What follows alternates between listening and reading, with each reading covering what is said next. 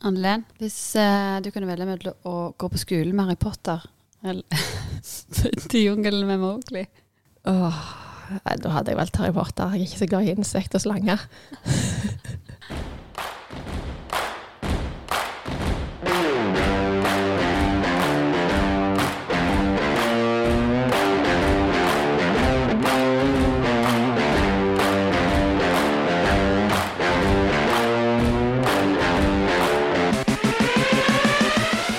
Da ønsker vi hjertelig velkommen til episode fire av På jobb nå. I dag så skal vi snakke litt om kostholdsplaner. For meg og deg, Helene, vi har lagd ganske mange kostholdsplaner gjennom tidene, og vi får ganske mange spørsmål om dette ennå. Og enten om du ønsker å forbedre kostholdet ditt, eller ønsker å gjøre en vektendring, så kan det være veldig lurt å lage en kostholdsplan.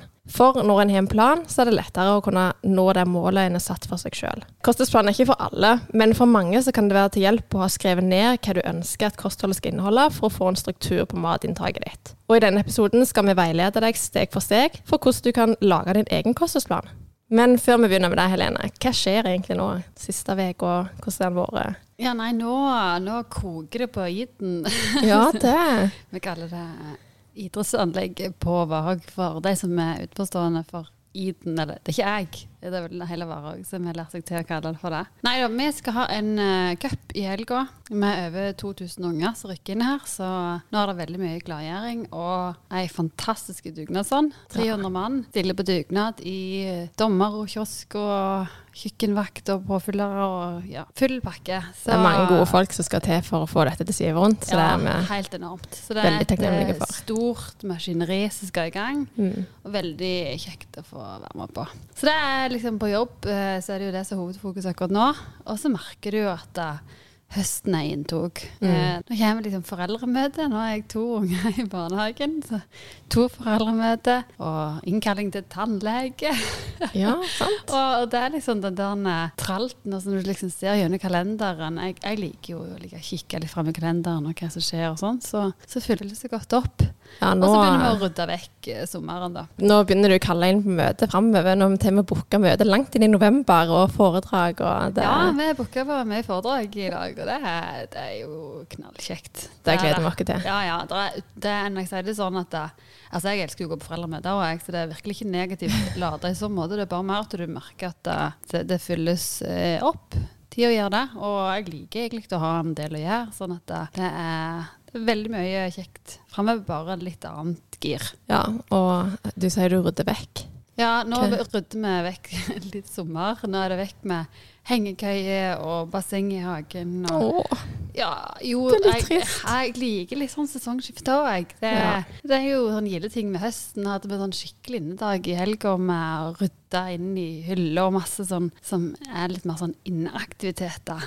Så kokte vi kakao en kveld. Og, ja, ja, jeg rigger meg litt for sånn høststemning òg. Men eh, koselig. sommeren eh, ja, han, gikk fort, da. Sånn at det, det Ops, der var det.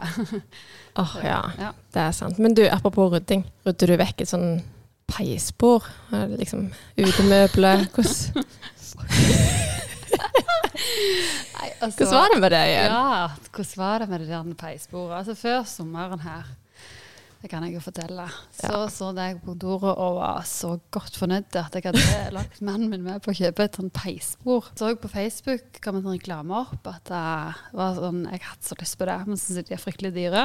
Og så var det sånn supertilbud. Mhm. Var sjåfør dere det fine peisbordet, sånn betong også med sånn flamme i midten der. Og sånn glass som stakk opp. Altså, jeg gikk hjem og viste dette til Brynjar. Bare sånn Altså, sjekk det her.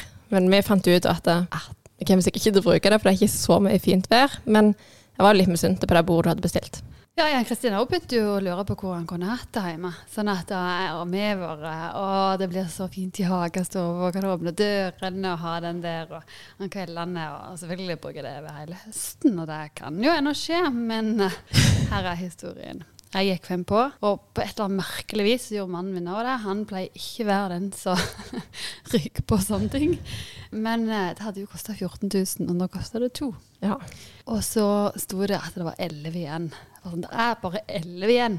Og så to timer senere så var det bare fire igjen, så jeg sånn, kom igjen. Ja, ja, han var enig, det var, det var veldig fint det her. Altså, det var greit. Det slo til på det. Og så tenker jeg jo at det liksom skulle ta litt tid, og jeg fikk en sånn sporingskode. Og det sto at det var ankommet landet, det er ganske mange uker siden jeg var ankommet landet. Og så har jeg sendt mail til dem, jo, jo, jo, det sto i tollen og sånn. Så begynner jeg å sjekke, for det var jo litt rar ordrebekreftelse. Det var liksom for noen som sier at det er My Scoot som selger elsparkesykler. Og så går jeg inn og leser på en sånn ei side der det står om svindel. Og da er det jo fryktelig mange som har gått på et peisporsvindel. Der de de har fått ordrebekreftelse fra et firma som ikke har noe med peisbord å gjøre. Så det spørs om det blir noe peisbord på meg. Men uh, heads up til dere som uh, Ikke kjøp peisbord til 2000 kroner. Nei, jeg må nok svi av noen tusenlapper til for at det skal gå. Oh. Sånn uh, Slapp å bære inn det tunge bordet, da. Det er jo fordelen. 80 kilo. Ja. Mm.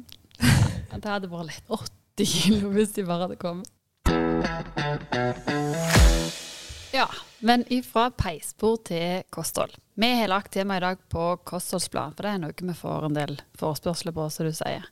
Og så regner jeg med at dere som henger med her, er litt nysgjerrige på akkurat dette. Og kostholdsplan er egentlig dritenkelt. ja, det er jo egentlig det. Det er jo du som sitter hjemme der, eh, som er fasiten på det. En bruker deg sjøl som utgangspunkt hele veien for å gjøre endringer i kosthold. Det kan jo være med ulike målsetninger. Det kan være opp i vekt, ned i vekt, og bare et sunnere kosthold. For det vi spiser, det påvirker dagen i veldig stor grad, og for veldig mange så er det nyttig å ha en struktur på det. Så jeg at jeg eh, ville hatt en kostholdsplan da, Annelen. Hvor, eh, hvor begynner du? Ja, hvor begynner du? Det som vi er veldig tydelige på når vi møter folk som ønsker å ha en kostholdsplan, da spør vi hvorfor vil du ha det? Hva er målet? Hvorfor er du her i dag? Hvorfor trenger du hjelp til dette? Og da, hvis du ikke er helt sånn sikker på hva, okay, hvorfor vil jeg ha det, så vil jeg kanskje gå tilbake til episoden som vi snakker om med mål og motivasjon, for å liksom finne ut, ok, for det er litt greit å ha et klart bilde av hvorfor skal du i det hele tatt ha en kostholdsplan, og hva er målet? Hvis ikke vi vet hva målet er, så det er det ikke så lett å lage en plan. Mm. Stemmer det. Og når du eh, kommer der da at du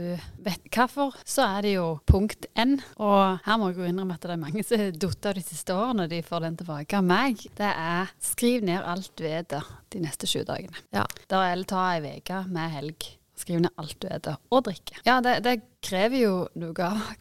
Hva gjør at det er så utfordrende? Hvorfor tror du mange detter av der? Jeg tror jo bare at de tenker at det er så enkelt Du bare får en oppskrift i hånda, og så skal de fylle den. Men uh, det kan funke i noen dager. Og så har vi sett at når du skal gjøre noe over tid, så er det mye lettere til utgangspunkt i det kostholdet du allerede har. Mm. Alle har noe bra i kostholdet sitt. Så vi tenker jo å bruke det vi gjør, og så gjør vi noen endringer som er realistiske, da. Ja, og det, den uh, matdagboka, da. Den er jo veldig nyttig for oss som skal hjelpe folk. fordi at den forteller ganske mye om preferanser, spisevindu, når starter du dagen, når har du siste måltidet. Forteller dere ganske mye. Hvis du da faktisk er ærlige og så skriver akkurat sånn som den er. For det er veldig mange som har lyst til å ete ekstra godt, fordi de har lyst til å gjøre et godt inntrykk. Men bare sånn, vi driter jo i det. Du trenger ikke vise noe for oss. Vi har lyst til å bare hjelpe deg ut fra det utgangspunktet du har. Ja, og nå skal du jo gjøre det for deg sjøl, så da blir det kanskje enda mindre viktig hvordan det ser ut. Eh, Men eh, det er jo klart at det, i mandagbok så ser vi jo veldig ofte underrapportering. Det regner jeg med at det er. Mm. Og jeg tok jo sjøl og hadde en blogg for mange år siden. Og da skulle jeg, jeg hadde et sånt prosjekt der jeg skulle skrive ned alt jeg og liksom vise egentlig denne prosessen. da. Så jeg husker når jeg så liksom på en sånn jentekveld, og jeg er vilt glad i Twist Så da når jeg så der og plukket ut de fem eh, lakristvistene som er oppi der, og Alle fem lakristvistene som er i hele posen, det har vi kjempa om i vår familie. Ja, jeg velger venner som ikke er de samme favorittene som meg. Så. Ganske fornuftig. Nei, men jeg så liksom der og måtte samle opp alle disse her twisten, og så var det sånn to glass vin, og så var det eh, en neve chips. Og det, var, det var en sånn kveld med mye. Jeg skulle liksom skrive det her ned, og det var ei lang liste med snacks jeg har fått i meg mellom seks og elleve den kvelden. Ja ja, men en sånn eh, kveld, det er, og det er litt sånn wow, du tenker ikke over det. Men når du skal skrive det ned, så blir du ganske bevisst det. Ja, det, jeg, hadde, jeg merka det var noen ganger jeg hadde litt lyst til å jukse når jeg skulle skrive det og publisere det. Men, På eh, bloggen. Nei, jeg- droppe det glasset med vin nå. Jeg gjorde det. Ja. Men, eh, Men det er jo greit, da. Det, blir jo, det er jo noe med bare å bli bevisst sjøl. At det er liksom OK, hvis du bare velger å ikke ta den ekstra neven med chips, da, så OK. Men du vet, iallfall at det, det hadde jeg egentlig tenkt å gjøre hvis ikke jeg skulle skrevet det ned. Ja, Veldig og det, det, er jo, det er det som er så fint med det, det er jo ikke bare at eh, en sitter etterpå med et ganske klart bilde av hvor skoen trykker etter en matdagbok, men en blir også veldig mye mer bevisst automatisk. Så du starter en prosess som er ekstremt viktig for å gjøre endringer. Når du leser en matdagbok til noen, da, hva, hva er det du leter etter?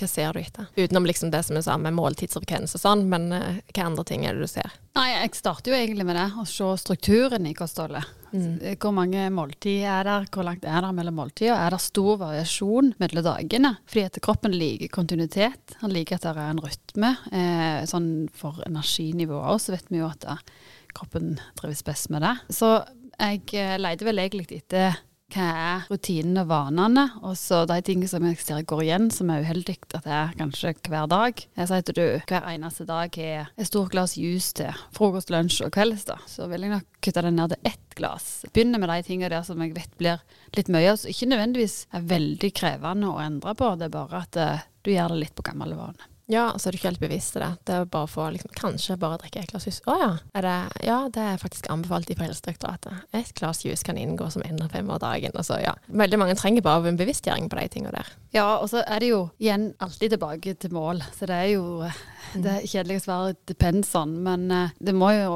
sies at de aller fleste som ønsker en kostholdsplan, ønsker en vektendring. Og jeg har jobbet mye med vektoppgang, for det er mange som har behov for det. Men det er jo helt klart flertallet som har det motsatte.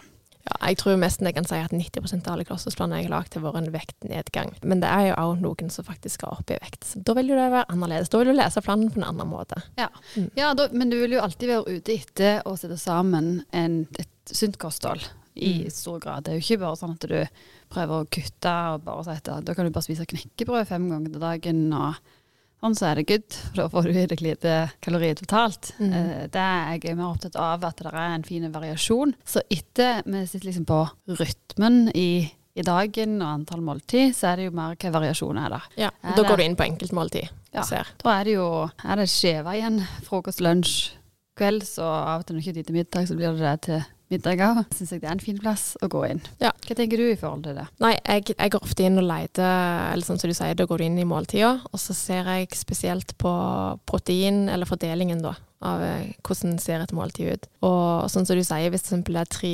brødmåltid i løpet av en dag, og det er brunost og syltetøy på alle tre, så kan det være at jeg liksom OK, her kan det kanskje være lurt å tenke, skal vi få inn litt mer proteiner? Som kan være utfordring for veldig mange. Og spesielt med en vektnedgang, så er det lurt å få inn nok protein. Ja, det er ikke gjerne lurt uansett. Altså om du er idrettsutøver eller skal opp i vekt, så er det jo kroppens Protein er jo byggesteiner. Ja, mm. stemmer det. Proteinene er viktige uansett. Det er nok det første jeg går inn og leter etter når jeg begynner å gå inn og analysere måltida. Og så ser jeg hva type måltid liker de, hvilke preferanser har de. Og det òg spør jeg ofte om. bare sånn OK, er du søtmoms eller saltmoms? Vil du ha chips eller vil du ha smågodt, hvis du kan velge? Og det er ikke det at liksom jeg spiser begge deler sjøl, altså. Jeg liker begge deler veldig godt. Men ofte så har vi en preferanse, da. At vi kanskje higer mer mot saltemat eller mer mot søtmat. Og da kan det være lurt å tenke at mm, kanskje vi skal gi alternativ som eller gå litt i den ene eller andre retningen, alt etter hva du liker. Det er jo noen som syns f.eks. at det er veldig godt med smør på skive og majones og liksom mye fett i kostholdet.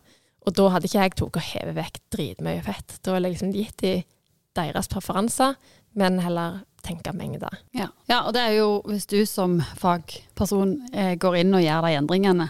Så hvis du nå sitter sjøl og skal lage den kostholdsplanen, så er det jo se over matdagboka di. Hvor mange måltid har du, og hvordan er det hver dag? Er det det samme det? Og som du sier, å se på måltider. Vi velger jo i dag å ikke gå veldig hardt inn i næringsstoffer, fett, protein og karbohydrater. Men som du nevnte, protein er jo kanskje det vi ser oftest at i et norsk kosthold så er det mange måltid som ikke inneholder protein, eller veldig lite. Mm. Eh, og det kan være greit at uh, hvert måltid inneholder litt. Vi ser litt om gode kilder til protein, bare at vi har med den litt i dag. Ja, jeg tenker jo Altså, egg er jo helt fantastisk. Eh, melk- og meieriprodukt. Animalske produkt, f.eks. Egentlig alt som kommer fra dyra. Ja. ja. Veldig gode kilder. Og så ja. finnes det jo òg i belgfrukter eller nøtter og sånn, men eh, liksom, hvis du skal tenke sånn høy kvalitetsprotein, så er det ofte animalske varer som Kroppen tar best opp, ja. og som er størst mengde i. Så til middag slenger på en kyllingfilet der. Det er jo der vi er lettest for å få i oss proteinkilder. Mm. Altså et, eh, en kyllingfilet på 100 gram, 20 gram protein. Ja, Ja. rett over det. Jeg 23. skal ikke gå inn, inn på deg, men, men allikevel, eh, der har du enkelt eh, får du stort sett i deg det. Og så er det jo det å ha eh, cottage cheese eller skyr eller eh, yoghurt. Det er jo ekstremt mye gode meieriprodukter per nå. Ja, det er det. Og så er litt sånn, finn ting du liker. Ikke, det er ikke vits i å begynne å stappe inn med ting du ikke syns sånn som jeg hadde en kunde som var sånn Ja, altså, jeg liker ikke så godt cottage cheese, men bare sett det inn. Så bare sånn Nei, det skal jeg ikke. Drit i å spise cottage cheese hvis ikke du liker det. Finn noe annet. Eller ja, vi må, vi må finne noe som funker. For det er jo det, hvis du, hvis du skal vare resultat, så må du gjøre varige endringer. Jeg syns jo stort sett når jeg får en matdagbok og ser over det, at det, det er jo veldig mye en bør eh, beholde sånn som det her. Mm. Og så tar du heller og snur eh, noen grunnstykker inni det. Så jeg tar så se, ok, hvis målet er vektnedgang, da, så kan det være eh, Hvis jeg alltid har tre-fire skjever til lunsj, så kanskje prøve med to-tre, da. Det trenger ikke sette inn vilt mye nye ting. Men uh, igjen, skal du ned i mengder, så er det godt at det, det som du faktisk er til, er gode proteinkilder, for de metter godt. Og så har vi stort sett ikke vanskeligheter for å gi oss nok karbohydrater. Mm. Og er du glad i fettkilde, så, så pleier jo det å gå greit. Det er noe som må være også mer bevisste. Hva type fett. Det er egentlig en, en egen episode. Ha fokus på strukturen i kostholdet basert på å lage en kostholdsplan. Og så så ikke være redd for å tenke at du skal forbedre. At liksom du ikke alltid skal kvitte deg med ting, men bare tenke den der forbedringstanken. Er det du kneipskjeve, så kan du kanskje ta og kjøpe med tre kakestykker eller fire kakestykker på grovhetsskalaen på brødet neste gang. Ja. Liksom at Det trenger ikke gjøre det så vilt avansert. Og da kan det være at hvis du går fra tre kneippbrødskiver og ned til to grove, så vil du kanskje føle deg mettere pga. det er mer næring i det. Mer fiber. Ja. ja. Ja, det, og så har vi jo den her fem om dagen. Vi må jo ta med litt av anbefalingene. Ja, for Ja. Det, det hadde jeg faktisk nettopp en, eh, en eh, kostholdssamtale der det var veldig, egentlig veldig bra med protein og alt sånt, men det var veldig lite grønnsaker. Og det, da var det ikke sånn Dette er egentlig veldig bra, men jeg ville kanskje heve inn litt mer grønnsaker. Prøv å finne ting du liker. Grønnsaker eller frukt eller ja. Men fem om dagen, hva vil det si, Helene? Nei, det er jo eh, 100 gram per enhet av tre grønnsaker og to frukt. Da tenker jeg liksom, jeg hadde en kunstner sånn, ja, men hvis jeg bare har fem bananer da? men uh, det er nok litt, uh, litt verre enn det. Vi, vi trenger mest av, av grønnsakene, og så tenker jeg det viktigste, eh, hvis du greier å ha fokus på at uh, du har frukt hjemme, får gi deg litt av det her og der, har grønnsaker til middag, Hedna litt grønt på skiva, og så sverger vi jo eh, ofte til smoothie. Ja, smoothie, det er Alt du kan lure Ja. inn der til kids og sære mannfolk, skal jeg si. Ja, altså for min egen del. Smoothie på kvelden. Jeg syns jo Altså, jeg er jo egentlig sånn saltmoms, men akkurat på kvelden så er det vil jeg ofte ha søtt. Og da lage smoothies, får i meg masse grønnsaker og frukt. Hvilke grønnsaker bruker du i smoothiene? Altså masse grønnsaker. Det var en underdrivelse. men jeg er, er veldig fokus på bær, da. Men kan hive i typisk eh, spinat. Jeg vil ikke ha liksom Jeg er ikke noe sånn som hiver grønnkål, brokkoli og gulrot i en smoothie. Nei, ja, liksom. Jeg, det skal ikke smake beisk. Det skal liksom være en god smak på det. Men lurer i litt, i alt etter hva type bær og sånn jeg har. Eh, ingefær syns jeg er dritgodt i smoothie. Så det er mange sånne småting, så vi bare finner det en liker, da. Prøve seg fram. Jeg Mm. tror jeg var litt sånn bedøvd i smaksløkene på et eller annet tidspunkt. For jeg, jeg var sånn som skulle være sånn halvekstrem med de smoothiene. Å nei, det var kjempegodt å drikke denne brokkolien. jeg lurte meg selv. Eh, Det er Ja, eh, jeg tenker også det at det er ganske mye du kan ha i som, eh, som smaker godt. Da. Eh, så Du kan jo hive i liksom en blomkålstilk uten at det påvirker så vilt mye, men jeg vil liksom ikke heve en halve blomkål i. Sant? Det er litt sånn det, var ikke det som er problemet. Det må jeg bare si med en gang. Ikke, ikke blomkål. Er det riktig? Ja, det som er problemet, er konsistensen. Det blir sånn, ja, er eh, sånn sånn. Ja. Og det blir det med gulrøtter. Så det er heller fint. ikke. Nei, gulrøtter det blir eh, ikke godt. Men, den store favoritten, eh, som eh, vel egentlig ikke er en grønnsak, det er vel mer kalt en frukt, det er avokado. Ja, det er good, for det blir sånn kremete. Og det er Det er skamnice. så godt. Og så hvis du fryser bananer, altså får du òg en kjempegod konsistens av dem. Det er klart Banan Ja. smaker en del mer enn altså med avokado. Det kan du ha oppi alt, for den lager bare kjempegod konsistens. Mm. Og gode fettsyrer får du i deg. Jeg syns det er godt med banan i smoothie. Jeg Ja. Ja, ja, jeg syns òg det, men det, da er jeg liksom, da, da er jeg gira på banansmak. Ja. Men du trenger jo ikke ha så mye, da. Altså, hvis du eh, har en litt sånn overmoden banan og bare deler den opp i skiver og hiver den i, i fryser, så har du bare, kan du bare ta noen skiver oppi. Så får du liksom en liten sånn sødme. Dunst Ja. med banan. Liten banandunst. Da, men en liten smoothie-love der. Ja. Eh, Men det er veldig genialt for å få. For Spiser du grønnsaker til middagen, så kan det være du bare har du smoothien, så har du egentlig fem om dagen. Smokk der. Og det er jo, det er jo grunnen til at anbefalingen er, det er jo at det er veldig enkelt å, å dekke de næringsstoffene vi trenger med Mm. fylle den. Og så er det en egen for melk, som selvfølgelig altså, Opplysningskontoret sjøl har, har fremma, men som også ligger i anbefalingene til en viss grad i forhold til melk- og meieriprodukter. Mm. Tre om dagen heter den. Og grunnen til at de eh, fremmer den, eh, en ting er at de vil selge mer melk- og meieriprodukter, men det er jo noe i akkurat det. For melk- og meieriprodukter inneholder jod, som vi får i færre kilder. Ja, vi sliter litt med jodmangel i Norge. B12, eh, det får vi selvfølgelig i si, kjøtt og andre animalske matvarer. Er Veldig gode proteiner.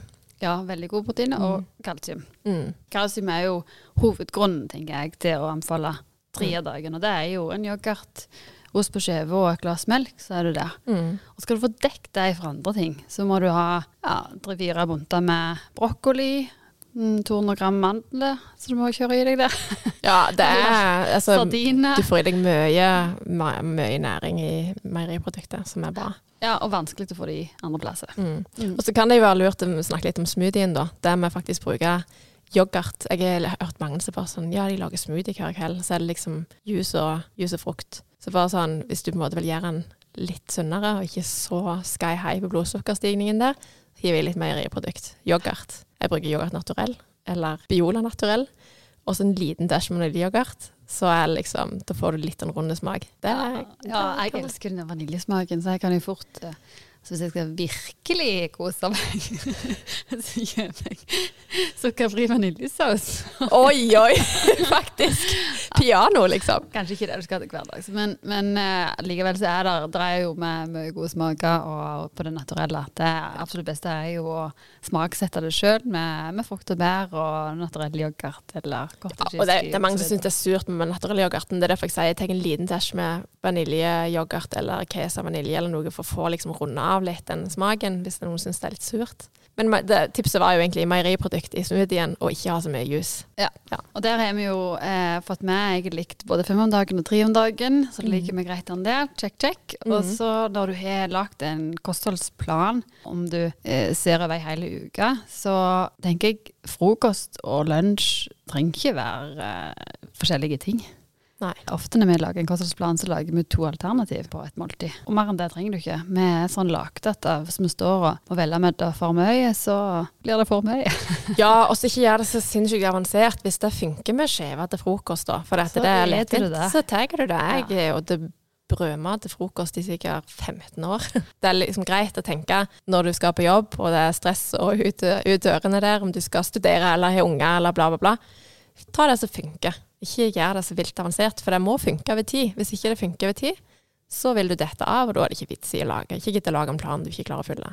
Nei, og hvis du spiser to måltider i dag, så er det ikke vits i å begynne å spise fem. Altså, du ser at ok, de måltidene der blir galstore. Eh, Så kan det være greit å gå opp til tre, da.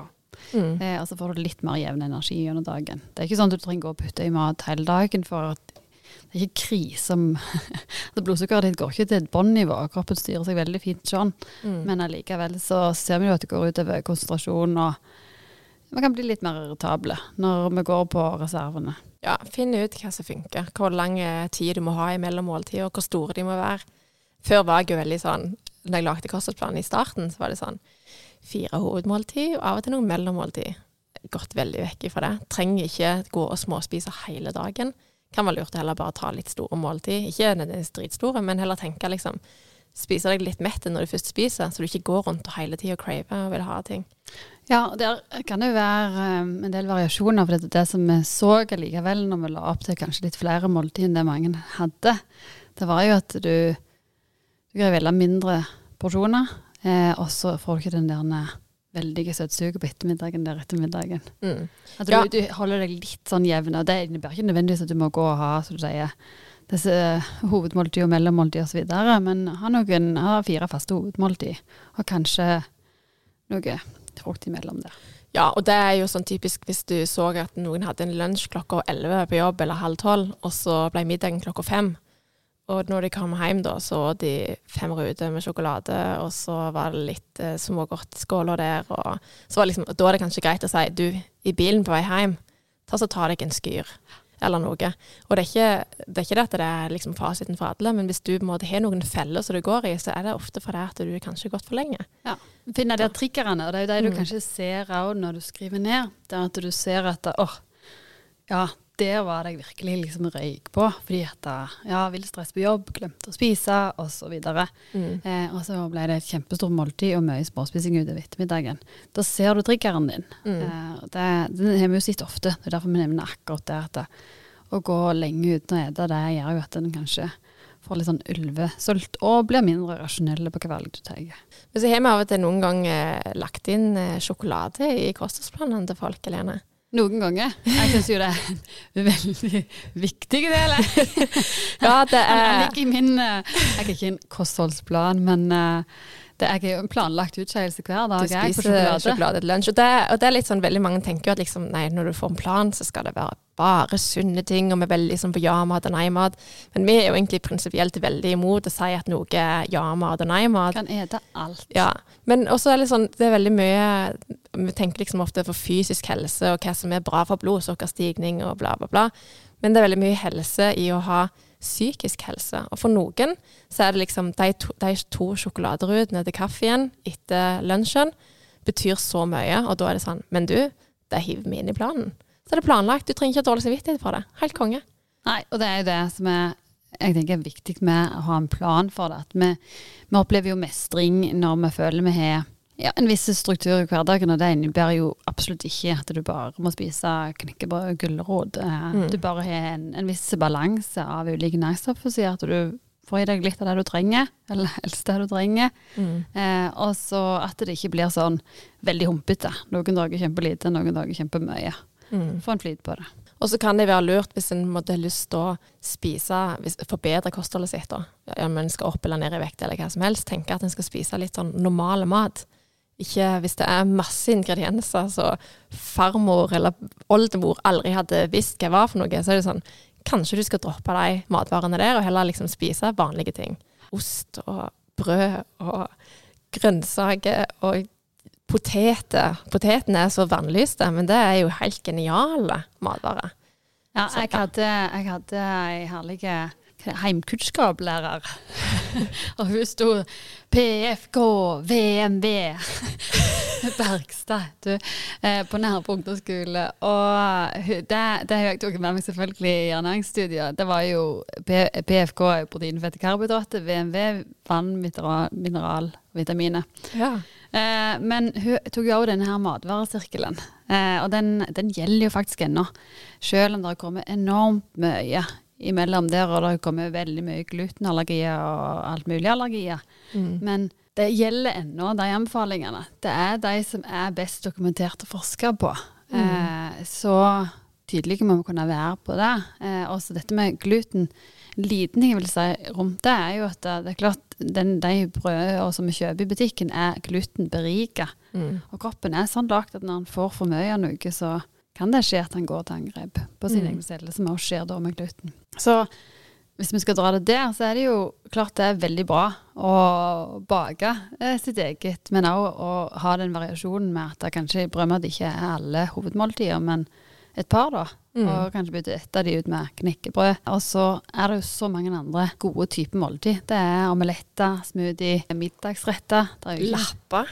Altså lage, Det er jo masse bra. Folk tenker liksom lapper og vaffelkake er kjempesunt. Det legger jeg ofte inn i planene til folk. Fordi at du føler at du, du får inn liksom i plassen for sånn som brød som er lagd på vann.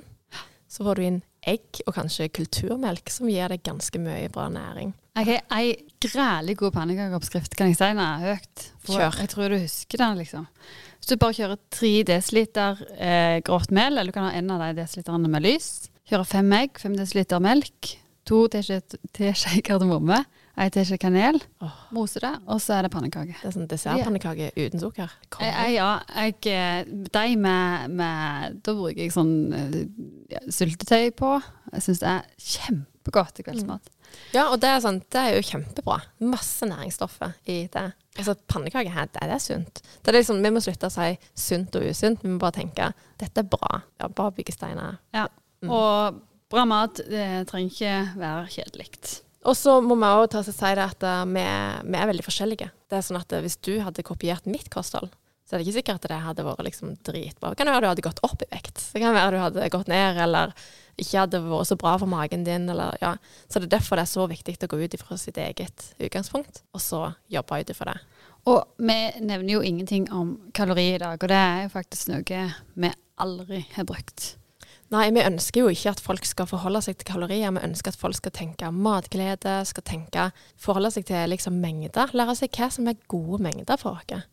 Ja, og så kan du si at det, det med kalorier er jo Jo da, det er jo noe en måte forbruker og trenger hver dag, og det er en balanse inni der, men hvis du per i dag har et kosthold som du bare går opp i vekta, så er det jo å se over det, og så gjerne kutte noe i mengder. Hvis du generelt hvis du skal ned i vekst, innebærer jo det at du må ha noe mindre. Mm. Eh, og da, da må du gå over mengdene. Du trenger ikke skru ned fullstendig. Sant? Jeg syns jo det er fryktelig skummelt når folk får en kostholdsplan på 1200 kalorier. Ja, Det er helt hinsides lite mat. det er mange Eh, altså, det er det jeg spiser til frokost og lunsj. Ja. Nei, men, men eh, Folk legger seg ofte for lågt, og det er jo ikke bra. det, er Altså, ikke, det er ikke bra. Men jeg tenker bare at du, du får jo en endring når du gjør en endring. mm. Så enkelt er det. Så det trenger ikke være helt vanvittige endringer. Mm. Jeg snakket med en for noen dager siden som har lyst til å gjøre litt endringer. Og så syns han det er grævlig godt med ei øl på kvelden. Eh, og det er ikke sånn at jeg ville stått og predikert at du skal drikke øl hver kveld, men det gjør han. Og han ville redusere mengden, hadde gått ifra x antall enheter til en annen x antall enhet. Så det kjempebra. Det, det er ikke, da, da går du ikke ekstremt, men du vil allikevel oppleve at det gir resultatet. Uten at det blir sånn ekstremt høy kost av de endringene du gjør. Og det er litt sånn, ofte når det skal gå sånn alt eller ingenting, eh, tenke sånn OK, nå skal jeg bare kutte alt.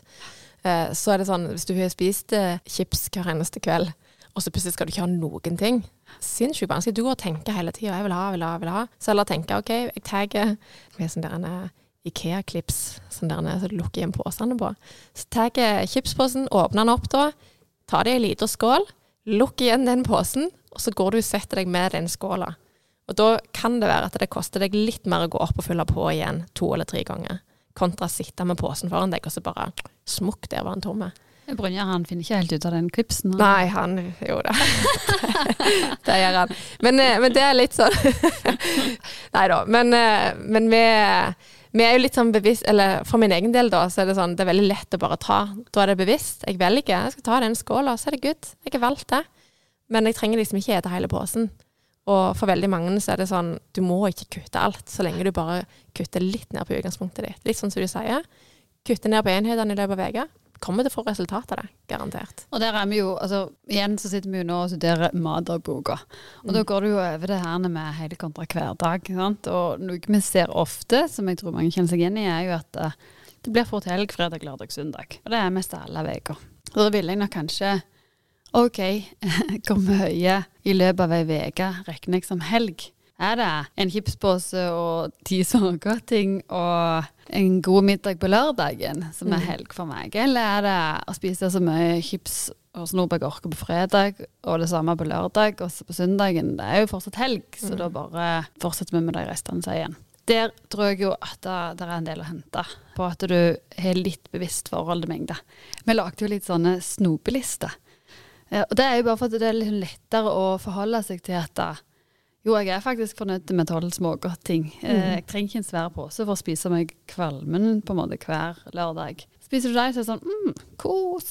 jeg Mm. gleder meg til neste lørdag. Akkurat sånn som da jeg var liten, når du fikk en grå skål der. Ja, ja. Jeg kan klippe det opp i beta. Det, jeg gjør jo det til hun eldste mi, og hun, hun foretrekker jo bare Kan du klippe det opp? Blir jo kjempeskuffa hvis ikke hun får oppklipt smågodt, for det varer jo en måte lenger.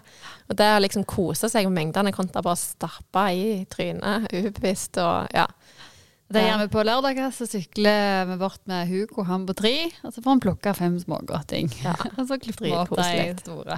Og det, er- ja, det er veldig sånn Jeg syns det er veldig fint at sånn sitter og koser seg med Mm. de tingene. Og, vet liksom Er det lørdag i dag, mor? Ja, ja. Ikke helt i Han dag. vet hva lørdagsgodt er. Ja. Eh, og det tror jeg vi voksne har litt å lære av. At eh, ikke den der eh, fråtsmentaliteten, at vi har litt begrensninger på det. Så kan du jo ha begge dager. Du kan jo, hvis du måtte ta mer ofte det, smågodtet på fredagen og chipsen på lørdagen, kontra at liksom det må være etegilde. Ja. Dekke på at liksom alt skal bugne første dagen. Men bare kose seg litt da og litt da, så får du liksom den der eh, kosen, Ja. helgefølelsen, uten at du skal sitte der og knaske på ei gulrot hvis du syns det er veldig kjipt. Og dette er jo ikke et råd, tenker jeg, som eh, nødvendigvis handler om, om verken oppgang eller nedgang i, i vekt. Nei, altså, nei. vektendring i det hele tatt. Det er jo bare at da, vi trenger ikke så mye sukker. Eh, og vi får stort sett ikke nok av det. Sånn at det, det har et visst forhold til akkurat sukkermengdene. Mm. Uten at det betyr store kutt. Er greit. Og det er jo ofte det når vi sitter og har lagd kostholdsplaner, så er det jo ofte helgene mange syns er utfordrende. For det er veldig lett å bare gi en plan i hånda. Vær så god, følg dette. Så kommer helga, så er det liksom Du er jo ikke på jobb. Du spiser ikke det måltidet da til den klokka, for da er det plutselig grøt hjemme hos farmor, eller ja. Og så bare tenke at det, men kostholdsplanen er bare en plan, og så må vi kunne ha variasjoner og kunne ha litt frihet innimellom der. Ja, du kan, På din kostholdsplan kan du godt skrive ned på, på middag. Eh, hva er viktig for deg på middag? Jo, at jeg tar en porsjon. Mm. En porsjon, så ja vel, fyll opp med grønnsaker. Ha en, eh, en neve med ris, pasta, potet. Og så er det jo eh, kjøtt, kylling, fisk ut ifra hvilken størrelse du har på kroppen. Sånn i utgangspunktet om du er mann og dame, er jo litt forskjell der. Ja. Men jeg tror jo bare det å kunne ha en porsjon, og ikke ha det der jeg spiser meg stappmett. Eh, fordi at en liten sånn ting å ta med der, er jo at eh, magesekken er glatt muskulatur. Det vil si at den utvider seg ut ifra at vi kan lett utvide magesekken vår. Sånn at Mm. noen kan venne seg til å spise store mengder mat. Og så Noe vi ser når noen begynner på en kostholdsplan der de kutter litt i mengde, det er at det, åh, det er stress å gå rundt og være sulten. Mm. Det syns vi alle. Men jeg si at hvis du gjør det to-tre uker, Mm. så krymper magesekken din noe, fordi at du spiser mindre, spiser mindre porsjoner. Og da, når maten treffer veggen når den er blitt krympa, så vil du kjenne metthetsfølelse igjen på en mindre mengde mat. Det koster litt i starten. Og Ja, og så kan du jo, hvis du måtte kjenne at «Åh, jeg er mer sulten, så kan du jo fylle med mer volum, men ikke nødvendigvis. trenger liksom ikke være mer pasta eller mer ris eller de tingene, men fylle på med litt mer grønnsaker i starten. Så kan du gradvis gå ned litt og litt. jeg er jo en far som er fryktelig glad i mat, og fryktelig glad i mengder. Han liker å kunne spise seg mett. Og så han ikke villet høre så mye på meg før han fikk et hjerteinfarkt. Da ringte han til meg fra sjukesenga. Jeg må ha en sånn kostholdsplan. Ja. Og han er ganske flink eh, til å bare fylle en plan. Da tok jo jeg gjorde akkurat det som vi gjort her, kartla og gikk gjennom, jeg kjenner ham ganske godt. Og så jeg visste jo hvor skoen trykker. Mm. Eh, og jeg vet at det er dette med mengder. Mm. Men han eh, Jeg sa til han at han er veldig glad i grønnsaker. Så jeg sa du får lov å spise så mye grønnsaker du vil på middagen. Så du kan spise deg stappmett. Du får lov å spise så mye grønnsaker du vil. Mm. Og mor hun ringte til meg bare. Du Helene, nå har far din kokt ett kilo med grønnsaker, og han eter alt. Dette kan umulig eh, være etter planen. Ja, sa jeg, det er helt riktig, det kan han gjøre. Og han gjorde det, og han gikk fint ned i vekt til planen. Eh, han gikk totalt ned 15 kilo, som var målet vårt på de månedene vi holdt på. Ja, og, det, og det er liksom, da så du hans utgangspunkt. Hva råd er viktig for han? Min far òg kom til meg, og så var det litt sånn vi skal prøve å få til en gang. Og da ga jeg ett råd til han. Og det vet jeg ikke nødvendigvis at det funker til for alle, men han har sleit litt med sånn Kommer hjem, bakt hele dagen, går hele tida i mat, et liksom ikke så veldig mye. Kommer hjem og så bare åt vilt med porsjoner. Og så sa jeg du skal ha én porsjon, halvparten av tallerkenen skal være grønnsaker. Jeg har gått ned fra 97 til 82 kilo. Det er på ett råd. Mm. Ja. Det var det, men det funka for han. Det var Ja. ikke det sånn at det er rådet til alle. Nei. Men ut ifra det utgangspunktet som jeg visste han hadde, så var det et godt råd å gi. Ja, det det er jo det. det du trenger ikke gjøre nødvendigvis de store endringene, men ta utgangspunkt i ditt eget kosthold. Mm. Du har lov å ha det du er nå på pålegg og sånt. Du kan legge til, og noen plasser kan du ta vekk. Mm. Eh, det gjelder både om det skal være sunnere eller opp eller ned. For veldig mange i forhold til vektoppgang, siden vi ikke snakket så mye om det i dag, så er jo det minst like krevende. For det krever kontinuitet over tid at du gjør akkurat det samme. For personer som vant med å spise noe og må plutselig spise veldig mye mer, er det ganske ubehagelig. Akkurat som det er motsatt. Men kontinuitet og å finne de små justeringene som gjør at uh, du får den endringen du ønsker. Og når du da har gått gjennom planen din og ser ok, da, det er kanskje, kanskje det er frokosten eller lunsjen jeg skal gjøre noe med, begynn da kanskje første uka med ok, nå tar jeg og fokuserer på frokosten i ei uke, sånn at det ikke skal være så græla overveldende. Og så tar du tak i den. Ei uke, jobber litt med å prøve å forbedre den, sånn så matvarer du liker og sånn. Og så etter ei uke så kan du kanskje begynne å gjøre det med lunsjen i tillegg. Ikke gjøre det så vilt stort, men tenke små steg, store forandringer. Mm. To-tre endringer. Det er ofte det som skal til, fordi det er forskjellen på det du allerede gjør. Men du, en ting som vi ikke snakker så mye om, som jeg har lyst til å spørre deg om, det er jo dette med drikke. Nå har vi snakket veldig mye om det vi spiser. Ja. Men drikke, Helene? Hva går du inn og ser? Vi, vi, sier jo at når folk skal skrive ned, så må de skrive ned hva de drikker, og hvorfor. Ja, jeg hadde jo en, en ganske god kundehistorie der eh, på en som vi hadde Vi hadde jobbet en stund, og jeg syns jo at eh, kostholdet Vi hadde liksom fått det ganske på, på G, så han fikk liksom ikke helt den endringen vi hadde tenkt. Du må, du må ikke skrive matdagbok til meg noen dager til, sa jeg, for jeg må bare se hva jeg ikke får med meg. Skriv ned alt du må drikke og spise. Og så viser det seg jo da at uh, han drikker to liter melk til dagen. Ja. ja. så jeg bare OK, da, da, tror jeg jeg fant det. Trengte ikke gjort noen ting annet bare ta tak i det, egentlig. Nei, mm. stemmer det. For det utgjør jo en hel del. Mm. Eh, og det er jo ikke noe han tenker over i det hele tatt. Det bare liksom ja, godt Melk er jo sunt. Og du drikker det til alle måltid. Ja. Så da hadde liksom, gikk vi ned til to glass mm. på 2,5 dl, altså fem. så en fjerdedel av den hadde fra før. Så da fikk vi, fikk vi den. Så kom det, ja. Så veldig viktig med akkurat det. Og når det gjelder drikke, vi skal ikke gå veldig inn på det i dag, men jeg tenker det en bør ha nevnt at alkohol må ikke undervurderes i dette. For alkohol inneholder kalorier i drikke. Eh, og i alkoholen. Mm. Eh, og det gjør at uh, kroppen i tillegg prioriterer alltid å forbrenne alkohol før andre næringsstoffer. Så setter de på vent. Sånn at uh, det er klart at uh, jeg har kostholdsplaner der vi har lagt inn for folk som er sosiale sammenhenger der det er viktig, så har vi lagt inn at det der er, der er en fisk hver helg mm. i planen. Men uh, det er jo mer det der smådryppet rundt her og der som du kanskje ikke tenker over. Så bare ta det med i pannelappen. Ja, det er et veldig, veldig godt poeng. Helt til slutt så vil jeg òg ta med et lytterspørsmål, og det syns vi jo er fryktelig kjekt. Vi får veldig mye tilbakemeldinger, gode innspill. Ja, folk Også, må bare fortsette med det. Det er veldig kjekt. Kjempehjelp. Mm. Så vi tar med et lytterspørsmål i dag som jeg tenker er litt relevant i forhold til dette med kostholdsplan. For jeg er jo oppvokst som mange andre med Grete Rode i heim og det her når, når, eh, Det var jo det folk gjorde før i tida når de skulle snakke seg. Mm. Det er lov å si. Ja, ja. Og jeg er ikke på noe vis eh, skada av det, for jeg tror vi har hatt en, en uh, et avslappa forhold til kropp i min heim. Men jeg tenker at det er ganske mange som blir skada hvis foreldrene hele veien snakker om mat som noe negativt. Mm. Det lytterspørsmålet var egentlig at hun ønsket om vi snakket om foreldre som forbilde, og tenkte over hva vi sa foran ungene. Og lagde et eksempel der på at barn som føler skam med å spise sjokolade fordi voksne har sagt at nei, uff, nå blir vi tjukke når vi spiser sjokolade. Ja. Og det tenker jeg dette her er egentlig en episode i seg sjøl, mm. men bare en liten heads up på det. At La eh, det dere spiser være noe for hele familien. Så må det være opp til dere å heller begrense mengdene og legge på litt mer grønnsaker på tallerkenen og det her. Ja, for det ser ikke ungene. Om du tenker på litt mindre ris og litt mer grønnsaker, så spiser du likevel den samme maten. Så. Det eneste kanskje er at kanskje de òg gjør det. Så ja. det er jo bare gode ting med det. Mm. Eh, så tenk over ungene, for det er de som de fanger opp vanvittig mye mm. av det vi gjør og det vi sier. og at uh, det skal ikke være noe negativt å, å spise sukker eller is eller disse tingene, men de har godt av å høre at det hører til helg.